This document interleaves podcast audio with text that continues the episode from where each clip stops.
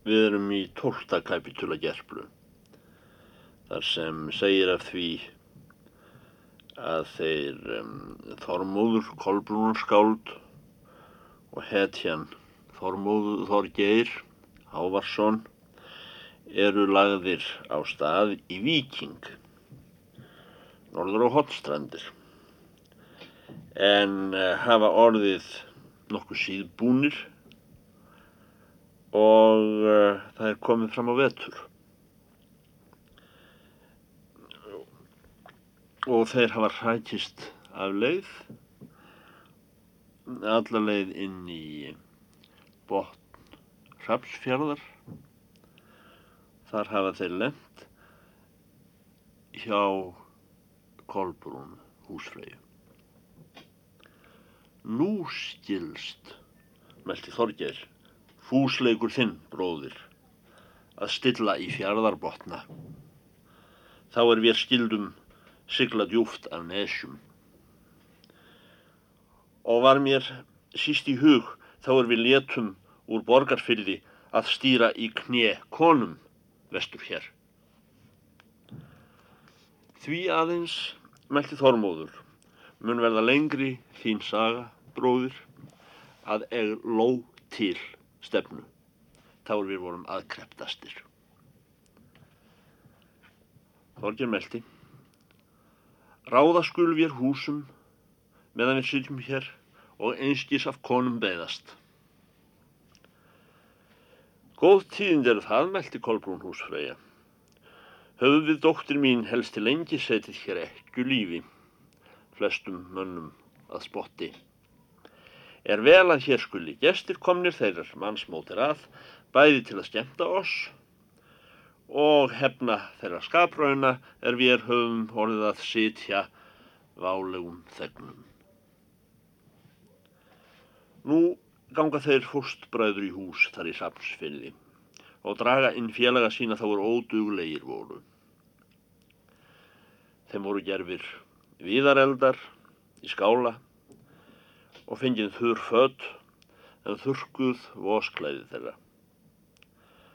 Þá voru og kallar framteknir og svoðinn slátur og heittir grautar og hjörnuðu menn við þeir er áður voru máttfarnir og tóku að þurka vopn sín er þeir höfðu bundin við sig og fæja af þeim rið og seldu.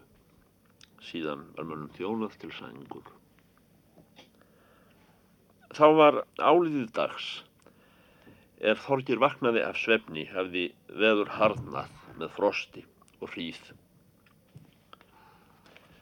Þorgir vekur menn sína segir að þeir voru eigi til þess ráðnir að flatmaga í innfjörðum byðu þeirra annar staðar sæmilegur störf. Húsfræja saði veður ill og þarflaust að hafa sig í hættu hvað sér því meiri auðfúsu að gistingu þeirra sem þeir leti meiri sæn að sér. Þorgeir segir að þeir voru menn eigi veður sjúkir, hyrstu líkt hvort veður voru kölluð góð eða ill. Býtur oss eigi frosnja hregg, en það eigum við horki fyrir að sjá konum, börnum, nekvik fjö. En með því að skip þeirra var mjög laskað og illa haffært, en það fendt í kaf þar sem það stóði nösti á skipeyri og fjörðurinn mjög ísaður innanverður, það eigi efsiglingu. Þorgir sagði að ef Ísar tálmuðu för þeirra á sjó lengur en hæfiði, myndi hann ganga fjöll til hornstranda við mönnum sín. Hún spurði hvert starf þeir áttu þar að vinna. Þorgir meldi. Maður er nefndur butraldi, kappi mikill. Hefur hann látið svo ummælt að hann muni fyrir öngum manni hopa. Þessi maður gengur um hornstrandir. Vil ekki fara að honum og drepa hann. hefur heit strengt að drepa hvern þann mann er þykist jafn snjallur mér. Hún spyr hvað síðan tók við. Þorgir sagði að þá væri þeir svarabræður frjálsir að taka hvali og aðra stóra veiði á hornströndum er döðir voru kappar og aðrir þeir menn er einhver miðmundi var að norður þar. Þá hló Kolbrún húsfrey og meldi. Undarlegir menn eru þér að vilja fara að veslugum útilegumönnum á hornströndum eða starfa að hvölum þó að nær býði drengilegri verk. Þeir spurðu hvað verka það var Það sýnist mér drengjalegri starfi, meldi húsfreyja. Að drepa frjálsa ofureflismenn í byggðum, þá er þröngva kosti ekna og annarra fátækra manna, heldur en elda rekninga og skera hvali. Þeir spurðu til hverra hún meldi. Hún svaraði. Feðgar tveir búa á sviðinstöðum handan fjaraðar. Ingólfur bóndi og Þorbrandur, sonur hans. Hafa þeir gert bú á hjalla í lónanúpi. Þessir menn beita mig nautum og sögðum og eiga þó mýrarkorn uppi yfir höfði sér í fjallinu. En skötu, spröku og lúru draga þeir unnvörpum innan dorgarskots úr túni mínu. Þorgir meldi. Egi telju við er dauða sög manni þótt hann leiti sér bjargar ef hann er minni maður en ég og líklegur að óast oss. Húsfreyja segir Vantalið er það er oss konum verður erfiðast að þóla af körlum. Eigum við þar sakir vors skapnaðar öngvað örn í móti. Og nú mæli ég til þín þormóður. Er þú hefur til mín orta drápu meiri en aðrar konur hafa hlotið á vestfjörðum. Og svo vel var hveðin að hefða ég nokkur varnar mann áttan, mér skildan eða venslaðan, þá myndir þú löngu döður af því hvaði. En er nú svo mál með vexti. Að Ingólfur Bondi á sviðinstöðum lagði mig í sæing hjá sér eina ögurstund á hinn þurrum jólum. Þá er þeir feðgar fundu okkur maðgur grátandi af ölskorts sögum okkar og munarleisis er við höfðum ekki vætta okkur til glaðningar. Og hefur hann haldið uppteknum hætti síðan og eigi viljað afláta af þessu athæfi. En dóttur mína hefur fýblaða Þorbrandur Ingólfsson. Er við maðgur lang þreyttar orðnar og yfirkomnar að búa við svo herfilega skapröðun og nýður brot. Þá hló loðinn þræll utar í durum ef húsfreyja hefði þetta mælt. Hún segir við þrælinn, Seint mun ég unna rægmenni þínu svo mjög að ég fá mönnum vopn til að vega þig og verða á brottur auðsinn frjálsra manna. Þorgeir leið þá til Þormóðar fóstbróður síns ef henn kynni svör og, og efni í þessu máli. Þormóður meldi. Einsætt þykir mér að láta eigi svo drengilega konu sitja oflengi vondum mönnum á þján. Og á hún það eigi að oss, að við skorum stundan, nýja sláum á frest lítinn þann, er hún mælist til. Er málað sína konu þessari mannsmót í nokkrum fleirum hlutum en skálskap. Standið upp þá sveinar og launið húsfræðu gisting meldi Þorgir Hávarsson. Þeir stóðu upp, tók vopn sín og gengu út. Þrettandi kefli. Þeir komu á sviðin staði síð kvelds og voru heimamenn gengnir til náða.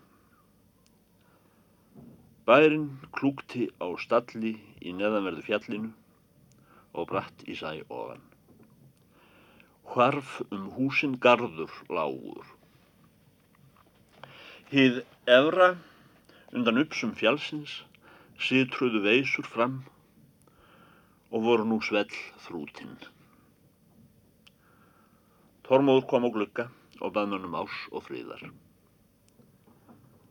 Þeir spurðu inni hver þar fóru eða hverra erinda. Þorgir Hávarsson tók svo til máls. Hér erum viðkomnir svarabræður Þorgir Hávarsson og Þormóður Bessarsson. Er það erindi okkar að skora á yður, að berjast við oss, því að við höfum spurt að þér séuð rösklir menn. Munum við hér drepa yður. Síðan er þér eru döðir, munum við útleisa nautpenning yðvarn og hafa í brott en bera hérðan á hestum yðrum það lausa fjö er við kunnum að finna. Er nú að verja fjösitt með karlmennsku meðan líf endist. Þeir er inni voru, yndu eftir hvort þar væri nokkuð gríða að venda með sáttmálum við þá garpa. Þorgir hvað það eigi. Því að við höfum sann spurt, meldi hann, að þér elskir konun nokkrar, er hér búan ellendis, og beitið þær kvík fyrir yðru án þess að kvænast þeim. Vilja þær eigi lengur sitja yður því líka skapröðun. Ingólfur bóndi svaraði að þeir feðgar myndu eigi byggja sér lífs. En það væri það líf lítilsvert sem menn þægi að vondum mönnum. Hváðust hér fúsir dejamundu með opni hendi ef sá væri kviður norna. Og falla svo fyrir gæld neyti sín, tvö og skötu stakk þann er þeir höfðu kæstan til vetrar forða sér í fjóshauginum og voru þá taldar eigur þeirra. En um frið hvenna sagði hann að þá var betra að trúa sjúkum kálfi eða ormi ringlegnum sem segir í fornum spjöllum væri þær manni á þeim degi, nær kvæmastar er þær stunduðu á niðurbrot hans og döða. Síðan klætust þeir feðgar, tóku spjót sín og gengu til hurðar. Þeir höfðu heimamenn tvo, var annar þræll, en hinn örfasi fyrir elli sakar. Skriðu þeir út um öskugatið og hafi gamli maður lurk í hendi og sætti áverkum við nenn þeirra þorgirs en þrællin hljópi fjallið og vildi eigi berjast. En þá er þeir feðgar freistuðu útgöngu stóðu fóstbræður fyrir durum, lögðu þeir vopnum sínum innum gáttina. Rann stjókt á þá æði og hjöggu fyrir sér af öllum mætti inn í dýrin, uns þeir fundu blóð heitt stökva í vit sér. Brátt voru þeir feðgar hnignir að veitum og fylgdi þýtur sá er verður af hólundarsárum. Letu þeir bræður söksinn ganga á skrokkimönnunum uns eigi fjækst lengur af þeim stínur í hósti. Þeir kalla nú á félaga sína og sögðu að þeir feðgar voru döðir, Ingólfur og Þólbrandur hvaðu aðra menn skildu greið hafa. Þá hafði gamli maður látið sígast en þrællin var í fjallinu. Tungl var kveikt. Þeir fórstbræður dróðu líkin fram úr hústurum og voru þau einn blóðsegi, lögðu mennina á bæjarhelluna og helguðu óðni að fornum síð og gerðu við þá innvirðulega. Hal hinn aldna lögðu þeir í hóflega fjarlægð frá húsbónda hans og letu liggja ómarkaðan góðum. Stóð gamli maður á fætur og fann lurksinn óðara en gestir voru á brottu og var þá kvikur.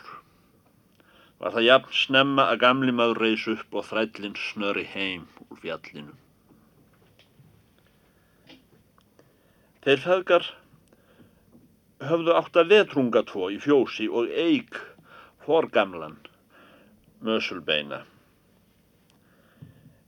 En fjöð þeirra gekk úti því að landi var eigi svo háttað á sviðinstöðum að þar mætti abla fóðura að marki. Dautt fjö áttu þeir feðgar eigi, utan skötu þá er fjóshauðin byggði og var vetrarforðið þeirra. Þorgin sagði að klifja skildi essið skötunni. En Þormóður galt við því nokkurn varhuga hvað slíkt helsi, helsti vesalt herfang að færa svo ágæðtri konu sem Golbrún var.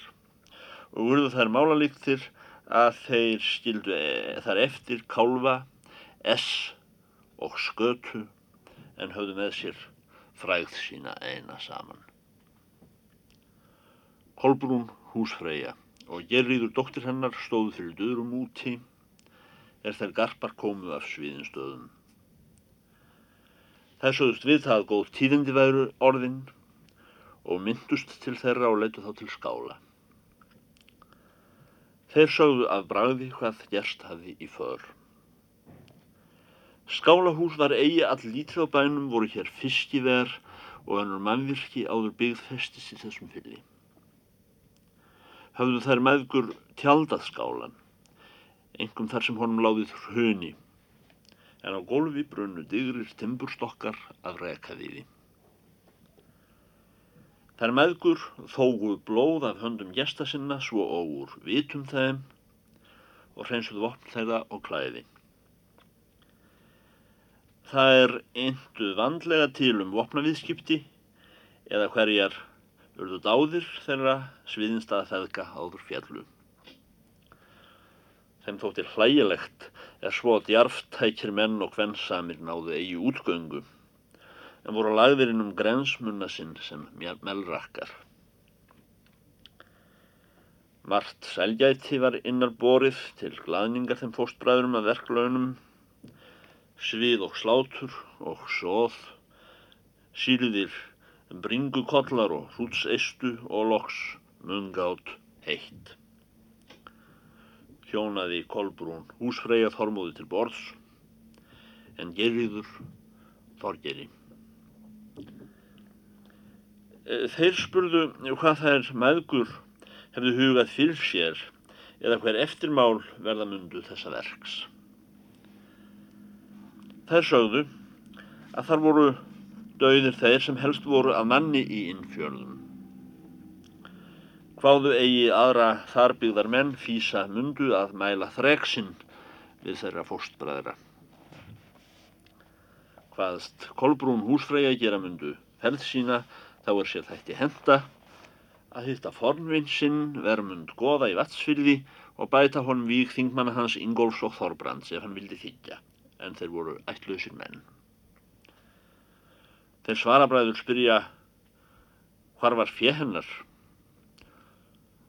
Hún mælti Ég hygg að þau luma enn á sjóðum nokkrum að bæta vermundi þá menn hans er eitthvað banaráðin sögum misfarnaðar með oss.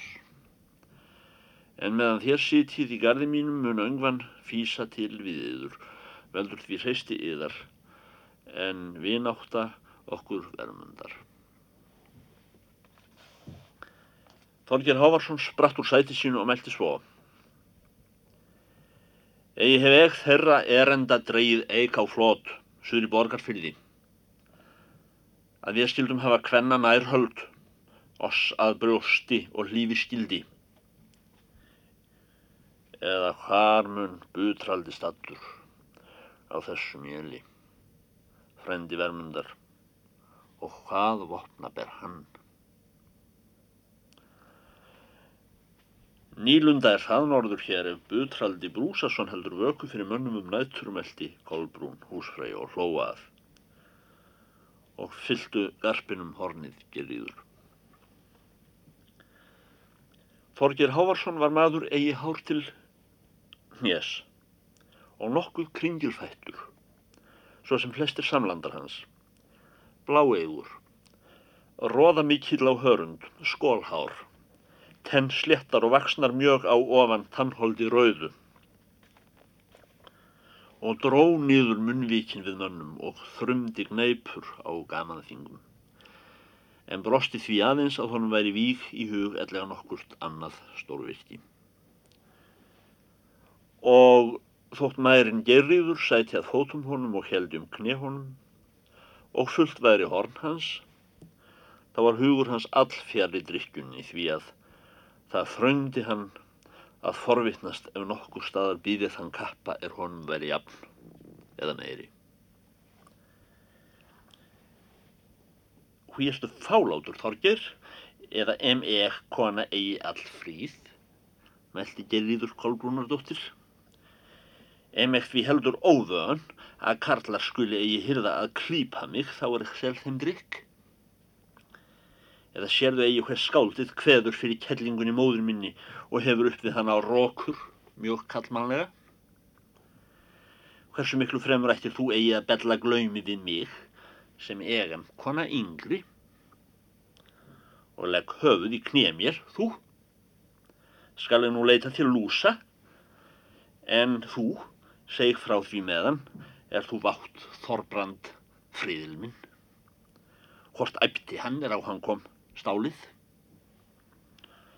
Þorgir meldi. Eigi þar mér um það lúsa að leita. Vel og drengilega urðu þeir feðgar við döða sínum.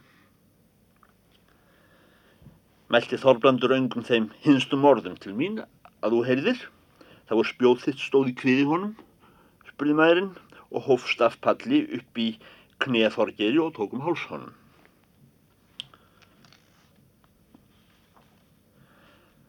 Þá reyndu við báða að hugpríðismönnum, feðga. Húsa að verja eigur sínar þó litlar væri og óspara að hallmæla í andláti sínu þeim konum er þá höfðu svikna í treyðum, meldi Þorger. Ég veit ekki hversu hugprúður maður Þorbrandur var, en það var það mig það öngu, saði mærin, en hitt veit ekki að betur kunni hann að leggja höfuð í knið konu en þú og myndu betur tilfallin að fara saglausum mönnum á náttarþeli og myrða þá en duga konum. Hefur í þér vond kaup. Þá let Þorger ofan síga meina nýður millir fóta sér og stíja yfir hana um leið og hann reys úr sæti. Hann meldi. Eimun Þorger Hávarsson af því frægur verða í hróðuri. Þá er tímar líða að hann hefði nauðþuklað konur um aðra menn fram. Og eru við þormóður illa gindir er meðgur þessar hafa haft oss að drápsmönnum friðla sinna og vilja nú gera okkur sporgöngum enn þeirra. Og sannast þið forn hveðna að konur eru jafnan þeim mönnum verstar er þær unna mest og er það mitt ráð að við gangjum fjöll í nótt til Hornstranda að vinna þarflegri verk. Munum við rjúfa svo veglegt hóf þá, bróðir, spyr Þormóður, og gegna eigi skildum okkrum við svo ágæðtar ekkjur. Þorgir meldi. Egi er mér umkennanda þóttu kjósir þann frið er öllum, ófriði er mannskjæðri, en sá er hvenna friður. Mun og eigi öðrum í koll koma en sjálfum mér. Þorger klæðist nú kösung sínum og gerður sig fast og hveður til lúsóta að fylgja sér og var á brott úr skála.